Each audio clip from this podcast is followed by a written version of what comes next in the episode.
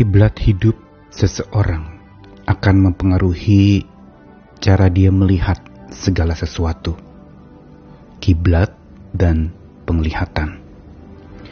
Bila kiblat kita adalah kepada hal-hal duniawi, maka cara kita melihat pun adalah cara melihat dengan cara duniawi. Bila kiblat hidup kita adalah kepada perkara-perkara rohani, maka cara kita melihat segala sesuatu pun dari perspektif rohani. Begitu pula di dalam kita bersyukur, sesungguhnya untuk supaya kita bisa bersyukur senantiasa adalah diawali dengan kemampuan kita untuk melihat keindahan di dalam dan di balik segala sesuatu. Yang sebenarnya, setiap hal memiliki keindahan masing-masing segala sesuatu memiliki keindahannya masing-masing. Walaupun hal itu adalah di mata orang lain adalah keburukan, kegagalan, kejatuhan, atau kebangkrutan. Tuhan bukan saja mengaruniakan kepada kita keindahan, tapi Dia juga memampukan kita untuk menemukan dan melihat keindahan di dalam dan di balik segala sesuatu. Inilah rahasia untuk kita bisa bersyukur di dalam segala sesuatu, yaitu menemukan keindahan dalam segala sesuatu.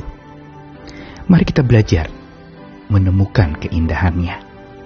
Saya Nikolas Kurniawan kembali menemani di dalam Sabda Tuhan hari ini dari satu ayat yang sudah terkenal dari kitab pengkhotbah pasal 3 ayat yang ke-11 Ia membuat segala sesuatu indah pada waktunya bahkan ia memberikan kekekalan dalam hati mereka tetapi manusia tidak dapat menyelami pekerjaan yang dilakukan Allah dari awal sampai akhir. Seorang penulis bernama Ashley Smith mengatakan bahwa hidup penuh dengan keindahan. Perhatikanlah itu. Perhatikanlah hal-hal yang kecil dan temukan keindahan di baliknya.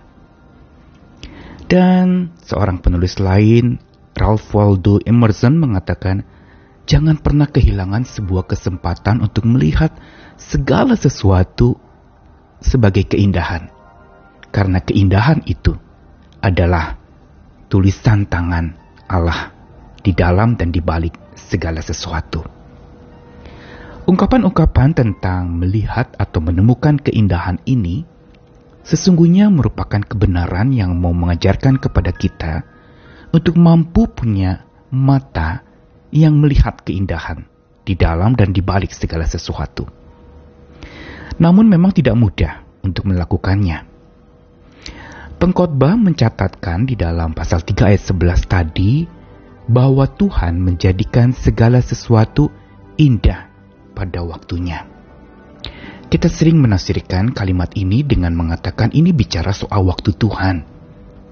Ini bicara tentang kita harus menantikan waktu Tuhan dan waktu Tuhan adalah waktu yang terbaik. Padahal bila kita mau mencermati terjemahan dari bahasa aslinya, ia membuat segala sesuatu indah pada waktunya.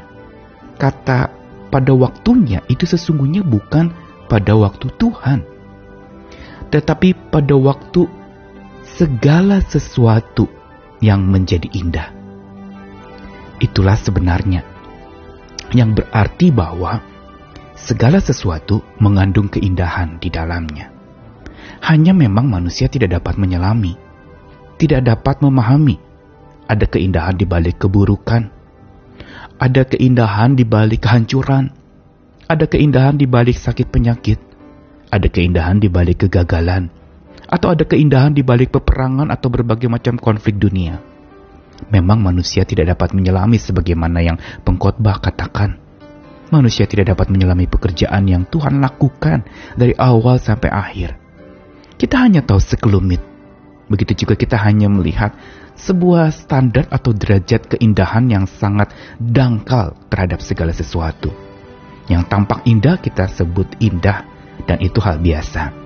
Tapi bila kita melihat kepada sesuatu yang tampaknya buruk dan kita menemukan keindahan, itu adalah anugerah dan pemberian Tuhan. Karena Tuhan sebenarnya memberikan kekekalan dalam hati kita atau kemampuan untuk melihat dari perspektif atau cara pandang kekekalan. Bila saat ini kita melihat sebuah kegagalan, itu merupakan akhir dari segalanya. Bagi Tuhan itu justru hanya bagian dari sebuah rencana panjang yang Tuhan rancangkan untuk setiap kita. Atau sakit penyakit yang kita pikir ini merupakan akhir dari segalanya. Tapi di mata Tuhan ini hanya sekelumit bagian dari sebuah kehidupan manusia.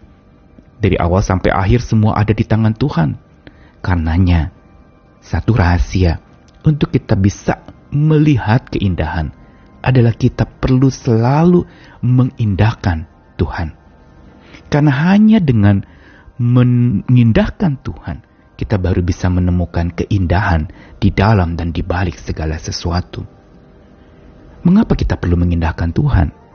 Karena Tuhanlah yang menjadikan segala sesuatu indah.